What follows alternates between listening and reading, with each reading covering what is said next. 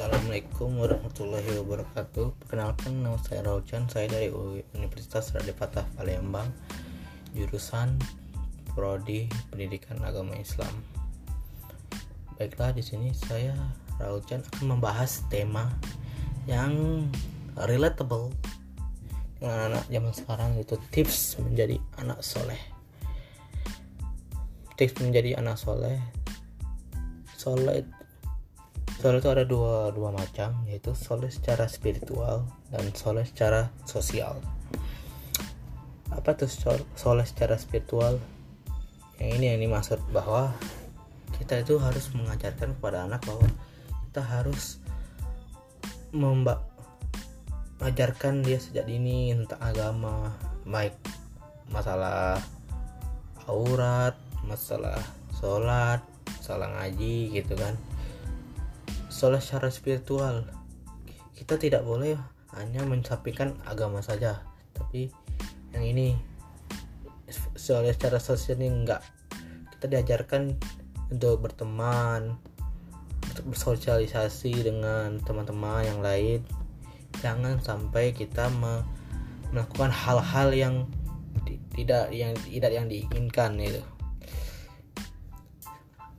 soalnya secara spiritual yang dimaksud adalah ajari anak sedini mungkin tentang agama agamanya tentang agama terutama agama Islam ya. Ajari tentang bagaimana cara sholat bagaimana cara wudhu ya hal-hal yang simple dilakukan oleh orang-orang terdekat.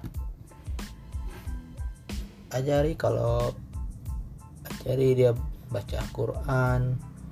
Sebenarnya sebenarnya sih kalau kita mau jujur cara terbaik untuk mengajarkan anak biar dia supaya soleh yaitu kita kita atau sebagai orang tua apa saya jadi calon orang tua nantinya yaitu kita melakukan bukan asal asal menyebut gitu. Maksudnya kita kita sendiri yang melakukan dengan perbuatan. Cara dakwah ya, cara menyampaikan anak yang terbaik yaitu melakukannya langsung. Bukan hanya satu mengatakan satu satu kata dua kata gitu. Itu cara terbaik karena pada saat itu anak belum masih belum bisa mendengar omongan dari omongan yang langsung. Tapi dengan perbuatan dia bisa menirukan apa pun yang dia lihat gitu. Seperti ya so, soleh soleh soleh sosial juga bisa seperti itu kok. Ajarkan anak buang sampah pada tempatnya. Ajarkan dia untuk setiasa baik. Membantu menyeberangkan nenek-nenek jalan gitu kan. Ajarkan ya tentang tentang hal-hal yang berbau sosial.